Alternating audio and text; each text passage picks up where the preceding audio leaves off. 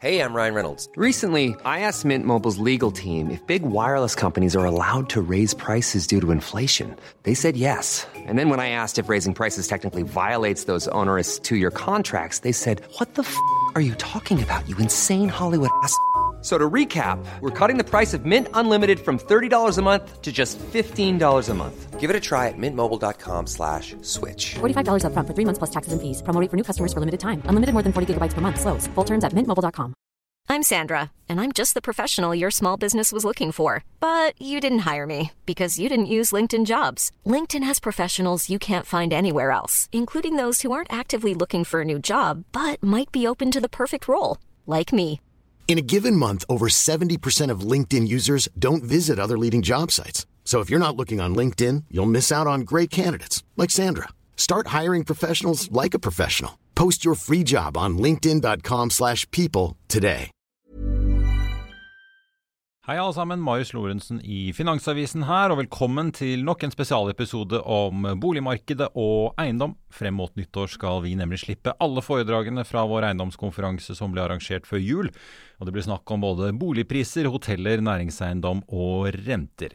I denne episoden skal det handle om eiendom og politikk, for man trenger ikke være en eplehageutbygger med lasermål og god kalkulator for å skjønne at politiske vedtak de får konsekvenser og kan koste de som rammes dyrt. I år er det kanskje lakseoppdretterne og kraftselskapene som har fått merke dette aller mest på kroppen, men det er mange rundt i Oslo som enten bor på eller har kjøpt en tomt de gjerne vil bygge ut, som fort fikk merke bråstansen i plan og bygg.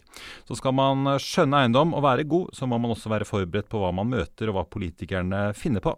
I denne episoden skal vi høre fra en som er partner i Wiersholm, og som gjennom en årrekke har vært en av landets ledende eiendomsadvokater. Her har du foredraget til Stig Bekk.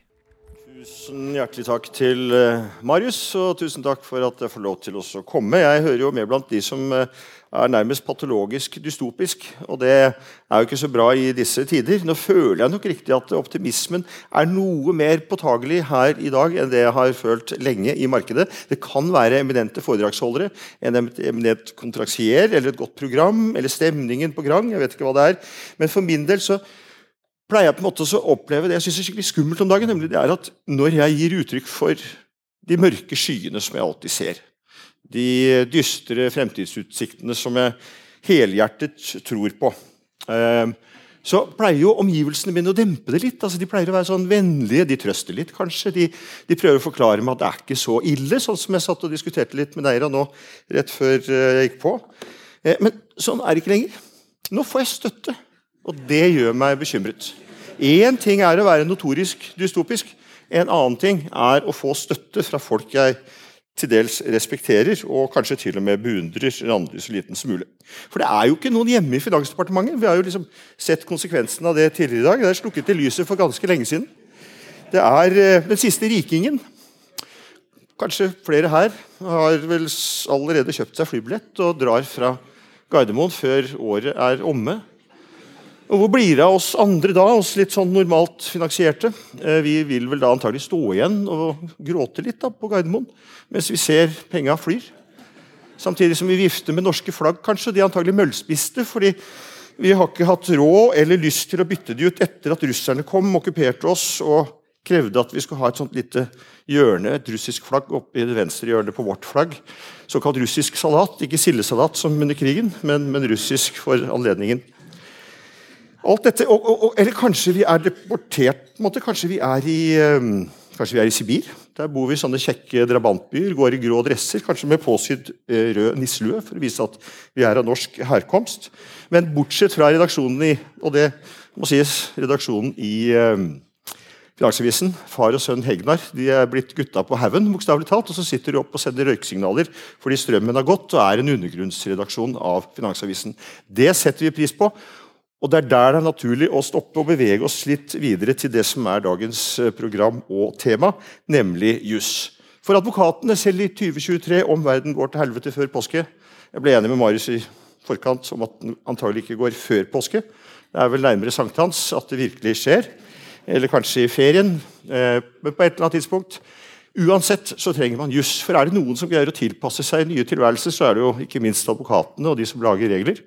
Advokatene vil selvfølgelig snu seg, ikke mot vest og øst, men mer øst kanskje i den settingen. Og så vil de sørge for å skrive timer som aldri før på å sørge for at verden går videre eller ikke går videre. Så det vi skal gjøre, det er å si litt om hva som skjer i 2023. Det blir litt sånn som det ofte gjør, og som i fjor. Det blir litt innpust og utpust. Og Det skyldes jo da at jeg trodde at jeg hadde 30 minutter, men bare har 20. Og så rakk jeg ikke å redusere temaet noe. Vi skal greie å få det til, Marius. Eh, aller først, vi får og dette skjer jo allerede nå over nyttår. Vi får endringer i plan- og bygningsloven fra 1.1. fra 2023. Kommunene får større frihet til å gi unntak fra tekniske krav. Og Det er ganske praktisk. Det ligger en slags ønske om en mulighet her til å finne fleksible løsninger av ulike årsaker. Så kommer det en del andre regler også, bl.a. om sikkerhet og kommunale muligheter til å gi ekstraordinære tiltak. Men det kan være greit å ha med seg at man får en noe rundere dispensasjonsadgang. Vi får eh, forhåpentligvis, altså, eller kanskje helst ikke, nye retningslinjer for tilbakeføring av merverdiavgiftskostnader. Det vil mange av dere ha sett allerede i dag, at byrådet i Oslo i går så fremmet de en sak om retningslinjer og, og, for praktisering vedrørende utbetaling av merverdiavgift, som kommunen da får inn etter at de har blitt lagt ut fra utbyggere som en konsekvens av rekkefølgetiltak. Oslo kommunes praksis har jo vært at eh, de tar att, selv om de ikke har noen faktiske utlegg. Altså Det blir en tilleggskostnad direkte krone for krone for utbyggerne. Eh, hvis man ser på fordelingsnøkkelen, sånn som eh, den er praktisert i en del norske byer, så er det interessant å se at man i Bergen har 15% Dvs. Si kommunen beholder 15% som et slags administrasjonsgebyr, og så gir man tilbake til utbyggeren resten. I Stavanger er det 10, det er ganske billig. Trondheim 20, litt grådigere i Trøndelag. Kristiansand 25, Moss 20. Og for Oslo er det da etter vedtaket i går i byråd foreslått 70. Det er ganske stilig. Jeg skal være litt forsiktig med å bruke den type uttrykk. Og Begrunnelsen er nesten enda morsommere. De sier, siterer, i Oslo er det høy byggeaktivitet, og boligprisene er de høyeste i landet. Byrådet ser ikke behov for at store deler av merverdiavgiften må tilbakeføres til utbygger som et incitament for å få i gang byggeaktivitet, men ser det mer formålstjenlig at det kommer byens innbyggere til gode. F.eks. For i form av høyere boligpriser. burde man kanskje ha lagt til. Dette kommer det til å skje mye rundt. Det er et spørsmål om, dette er, om de har adgang til å gjøre dette. Dette er en ren fiskal innkreving og krever kanskje en annen form for hjemmel enn her. Vi får ikrafttredelse av loven om bærekraftig finans. Det skulle ha skjedd i 2022, for vi hadde det oppe i fjor også. på denne seansen. Og Det har tatt litt mer tid enn tidligere antatt. Dette er taksonomi og åpenhet og alt det som går på offentlighet rundt det som knytter seg opp mot den første del av taksonomiinnføringen. Men bare nevner at det nå kommer. Vi får kanskje en innstramming av utlånsforskriften hvis eh, Finanstilsynet får det som de vil. Alle vet at de har sendt Finansdepartementet et, et høringsnotat med forslag til endringer av gjeldende utlånsforskrift. De ønsket opprinnelig at man skulle få denne endringen fra 1.1.2023, at den skulle tre kraft ved nyttår. Og Finansdepartementet har da foreslått å redusere maksgrensen for låntakerens samlede gjeld fra 4,5 ganger inntekt, og en innstramming da fra dagens nivå på fem eh, ganger inntekten. Og også fleksibilitetskvoten for boliglån. Der ønsker man å redusere den fra 10 8 i Oslo, til 5% Og Hvorfor ønsker man dette? Jo, man frykter for at låneporteføljene og aktiviteten rundt boliglånene er en risiko for vår nasjonale finansielle stabilitet. Det som er litt morsomt da, eh, Høringsfristen her gikk ut for noen få dager siden, eh, to uker siden. 14.11. Ingen det er absolutt ingen som er enig med Finanstilsynet. Alle går mot innstrammingene, og ganske tunge aktører, f.eks. Norges Bank, Finans Norge, Norsk Eiendom må ta med det, for det er en av de tyngste aktørene i denne settingen. Eh, og boligprodusentene også, for å få med, få med dem. Jeg eh, syns det er bra Ingse, som også er styremedlem i, i Norsk Eiendom. Vi tenker at det skal mye til før dette blir realisert, og i hvert fall med dagens bakgrunnsmusikk. Men igjen, er det noen i Finansdepartementet? leser de høringsnotatene på det som de ikke liker. Men kanskje liker ikke Finanstilsynet, for det er så enkelt. Det er følelser dypt ned i magen. Og dermed så kan det hende at Finanstilsynets forslag ikke slår igjennom. Vi har også samarbeid på det boligsosiale felt. Da er vi over i, i Q2. Da er vi etter påske, så dette her er kanskje ikke så viktig å se på. Men, men for de av dere som da ikke skal til Sibir, så kan det være greit å følge med. Samarbeidet på det boligsosiale feltet er kanskje noe av det viktigste som pågår akkurat nå. Eh, man har sett flere temaer rundt dette oppe. Vi har tre temaer som vi har tatt med her. En eh, reklamerer litt for en artikkel i Kapital Eiendom i dag som inneholder en av, en av tematikkene. Men det første det er et generelt samarbeid mellom flere aktører. Husbanken, Norsk Eiendom, Oslo kommune, Bergen kommune og KDD, Kommunaldepartementet. For å skape bedre prosesser rundt tilvisningsavtaler. Behovet for offentlige boliger, eller boliger til de som har rett på, eller som man ønsker å gi rett på, kommunal støttet bolig, eller bolig i særlige områder, er enormt. Tallene er veldig store. Bare boligbyggsbehov i Oslo ligger et eller annet sted mellom 1200 og 2600 enheter. og Det er ganske mye. Det er en stor produksjon også for en oppegående, ti oppegående boligprodusenter. Og Målsetningen med det samarbeidet som ligger der nå, det er å skape tillitsfulle prosesser. To av de tingene man ser på, og kanskje de viktigste, det er å se på selve kredittvurderingen i Husbanken. For skal man ha tilvisningsavtaler, så må man ha et OK fra kommunen. Og når kommunen og boligutvikleren går sammen til Husbanken, så ser vi litt for ofte at de aktørene blir dømt nord og ned pga. en veldig streng kredittvurdering. Men dette ønsker også Husbanken å gjøre annerledes. Et annet problem har vært at man først får husbanklån, tilsagn, på tidspunktet for regulering. Sorry, for rammetillatelse. Og Det er jo altfor seint. Da sitter man der med en lang periode i mellomtiden hvor man ikke vet om man faktisk har den finansiering man legger opp til. Forslaget til denne gruppen, eller det det jobbes med så langt, det er at det er reguleringstidspunktet som er også tidspunktet for tilsagn. Det vil være en markant forbedring. Deleie, leie til eie, denne type nye boligmodeller, eller boligkjøpsmodeller, som vi kaller det, er også ekstremt viktig. For eh, I september så sa Obos at 40% av salget deres de siste månedene var innenfor en ny boligmodell. Det er ganske dramatisk. Det er en helt ny kontraktsform med en helt ny juridisk setting og en helt ny finansiell pakke. Antagelig hadde du spurt og stilt det samme spørsmålet i dag, et par måneder etter, så er det enda mer. Kanskje 50-60% av salget, nyboligsalget akkurat nå hos noen av aktørene. For å få dette sammensatt. For jeg, for å være ærlig, jeg liker dette, og veldig mange liker det. Det er bra. Så må man sørge for at man etablerer en form for standardisert kontraktsmaterie, sånn at folk kjenner seg igjen i boligmodellene, slik at det er gjennomført rettslig og synes eksternt. Så I løpet av våren så får vi nye standardkontrakter. Og I tillegg så får man en lov om kommunens ansvar på det boligsosiale feltet.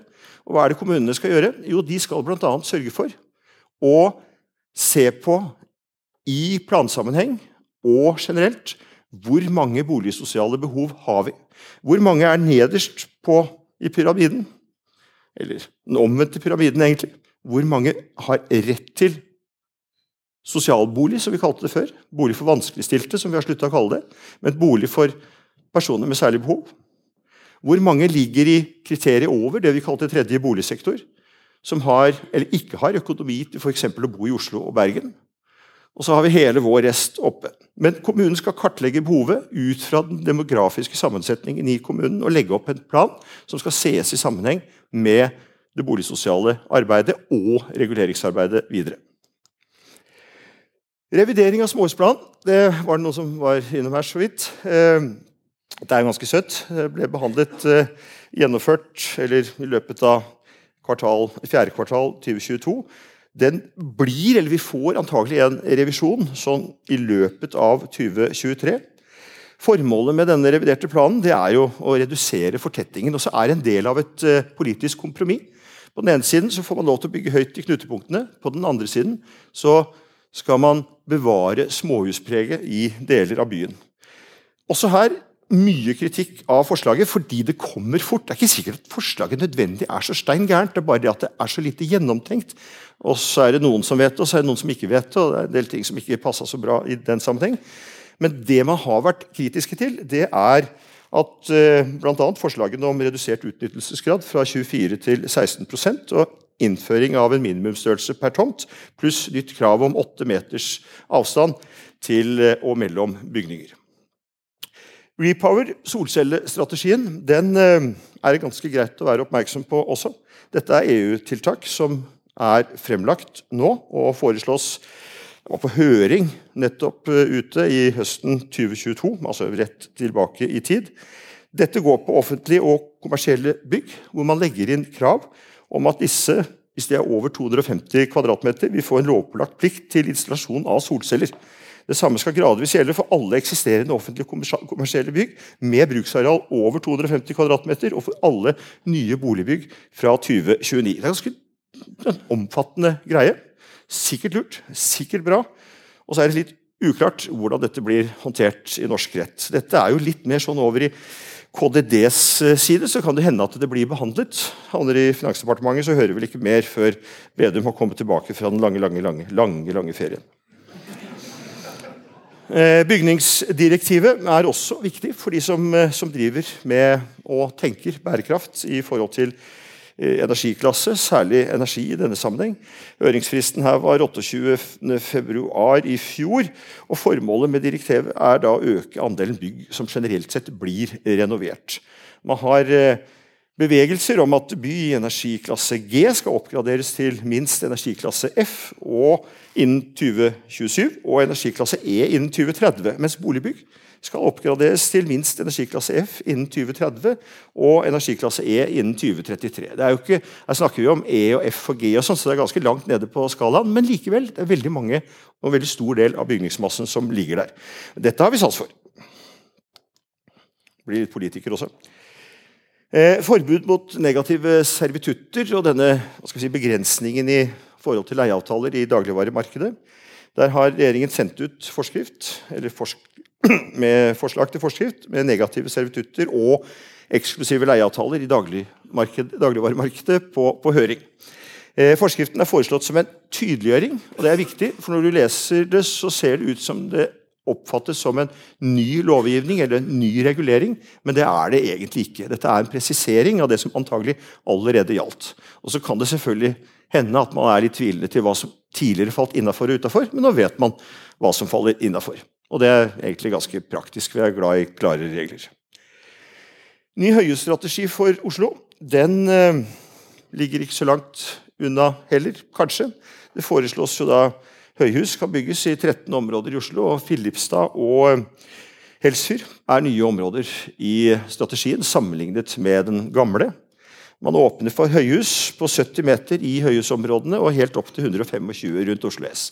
Det er det mange av oss som vet. Det vi ikke vet så mye om, og jeg greide ikke å finne ut noe mer om det i, i går, men vi tror at dette kommer på plass, men at det sees nå litt opp mot også behandlingen og fremdriften i småhusplanen, som vi var innom i sted. Eh, studentboliger det skal bli eget areal. Eh, formål i plan- og bygningsloven. Oslo OsloMet har hatt en vurdering av det og funnet ut at det ikke er betenkelig. og Da bør man definitivt gjøre det. Studentboliger er et nyttig og helt spesielt type formål som man bør ha en åpning for i plan- og bygningsloven. Vi aner ikke når vi kommer videre med det.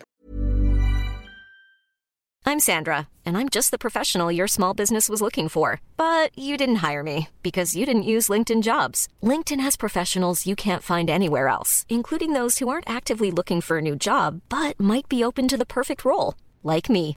In a given month, over 70% of LinkedIn users don't visit other leading job sites. So if you're not looking on LinkedIn, you'll miss out on great candidates like Sandra. Start hiring professionals like a professional. Post your free job on linkedin.com/people today.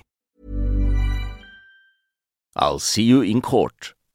Vi sier det ofte litt på spøk, men for deg som driver business, er det aldri moro å innse at du ikke har laget en 100% gyldig kontrakt. Du bør ikke risikere hele firmaet ditt fordi du synes dette med kontrakter er litt stress. En avtale er ikke en avtale. Du kan miste kunder, miste venner, ja, til og med miste inntekter om du ikke lager en skikkelig kontrakt, på alt mulig, egentlig. Men vi vet det er et styr. Kopimaskiner, tregprinter og haugevis av papir. Dessuten stoler vi jo på folk her i landet. Det er ofte litt kleint å skulle be om en signatur for alt mulig, ja, for mye av styret handler også om jakten på underskriften. Det finnes en enkel måte å løse dette på, Dukkobit, en trygg, effektiv og get this, gratis måte å sikre seg en god natts søvn pluss en juridisk bindende avtale. Dukkobit-appen har de strengeste sikkerhetskrav i bunn, samt en EU-godkjent og sertifisert teknologi. Framover vil det bli behagelig å spørre du, skal vi skrive under på det, eller? Kom i gang på dukkobit.no. Eh, så er det områdemodellen og infrastrukturbidrag. Her eh, er det jo ikke bare i Oslo man jobber med rekkefølgeprosesser og moms og den slags. Det er på en måte en del av samme problemstilling. Men man har fått en, et forslag til en, en lovendring som flere rettssaker, bl.a. fra Selvåg og Entras side overfor staten, har, eller Oslo kommune, har, har medført. Eh, områdemodellen er rett og slett et, eh, en modell for å fordele infrastrukturkostnader, hvor man allerede på reguleringsstadiet kan gå ut og si at ditt infrastrukturbidrag er kroner x fordi du er i dette området. Dette er et ønsket forslag, eller mange i bransjen støtter forslaget. Norsk Eiendom støtter forslaget fordi det innebærer en slags forutsigbar fastpris for det man skal gjøre videre. Deling av overskuddsproduksjon fra fornybar energiproduksjon er også og har vært et aktuelt tema, særlig for de som investerer i energiproduksjon på sin eiendom. Vi har fått forslag om en ny modell for deling av strømproduksjonen, som ble sendt på høring av eh, Reguleringsmyndigheten for energi på vegne av Olje- og energidepartementet 30.9. i år. bare for litt tilbake. Forslaget innebærer at produsenter av fornybar energi kan dele produksjonen med strømkunder på samme eiendom. Altså ikke utover, men innenfor samme eiendom. Men det kan jo da være en stor eiendom med flere aktører, flere ulike leietakere, flere ulike personer inkludert, også som del av eierskapet. Det er foreslått en øvre begrensning for ordningen på 500 kW installert effekt for, for hver eiendom. I dag så uh, finnes det bare en sånn plussordning for deling av overskuddsproduksjon. Vi tror på at dette kan være et uh, godt tiltak, selv om det kanskje ikke modner tilstrekkelig. Strømstøtte den uh, skal vi ikke bruke så mye tid på. alle vet at vi har hatt en strømstøtte. Regjeringen lanserte en strømpakke for bedrifter 16.9., som dere sikkert er kjent med, med bedre fastprisavtaler, energitilskuddsordning og eh, generelt sett noe tiltak i retning av det som har vært ønsket, men selvfølgelig ikke helt den veien. Vær oppmerksom på at bedrifter som mottar tilskudd under tilskuddsordningen, vil være avgrenset fra å få eller utbetale utbytte i 2023, altså det samme året som de mottar støtte. Vi får ny standard for utbyggingsavtaler. Det er kjempeviktig. Her er det norsk standard som er på gang, og kommer, eller Standard Norge som kommer på plass med en slik en i 2023. Og Formålet er da altså gjøre det tydeligere, bedre og lettere å gjennomføre kontraktsinngåelse med offentlige aktører. Den skal ikke sette noen ramme for kom, det kommersielle innholdet, men den skal sette ramme for hva som teknisk sett skal reguleres. Altså jussen, vilkårene, alt, alle de 16 sidene som advokatene tidligere har kost seg med i årevis med en kommune.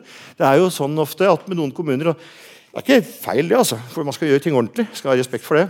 Så kan det gå to måneder mellom hvert møte. og da er det klart at Hvis du da er advokat, så må du også lese det opp igjen på teksten eller det du hadde foreslått før forrige møte, to måneder tilbake. og Dermed så blir det mye tid. Det spiser mye arbeid og resulterer bare i høyere regninger til min bransje. Eh, vi er også på gang med å etablere et eh, forslag til eh, innføring av merkeordning for utleieboliger. Det er et initiativ fra Leieboerforeningen Norsk Eiendom, nedenfra ideelt og pådriv, som sertifiserer utleiere og merker kvalitetsmessig utleieboliger. Aktørene har utarbeidet en eh, konseptbeskrivelse og skal nå inn i den endelige formuleringen av kriterier og de ulike typer boliger og klassifiseringer som skal benyttes. Og Hva er poenget? Jo, Det er selvfølgelig at de seriøse aktørene skal få et fortrinn. De som er seriøse, de som vet hvordan de håndterer boligene, de som scorer høyt på klassifiseringsordningen, skal kunne oppleve å bli foretrukket i et selektivt og godt marked. Og For egen del da er det vel sånn at det gikk ikke noe flyalarm eh, mens vi satt her. Eh, jeg håper inderlig at vi møtes igjen om ca. et eh, år. At vi alle ser sånn omtrent ut, sånn som vi gjør i dag. Kanskje med en liten, liten rynke ekstra. Sånn. Det er helt lov, for det går innenfor rammen av det naturlige. Og så sier jeg takk for meg og håper dere har utbytte. Hvis dere på et eller annet tidspunkt ikke har fått med dere det jeg har sagt på innpust og utpust, uh, eller kanskje mest det som kommer på utpust, for da stokker det seg litt i konsonantene, men da er det bare å ringe, så skal vi forklare det bedre på telefon. Takk for meg.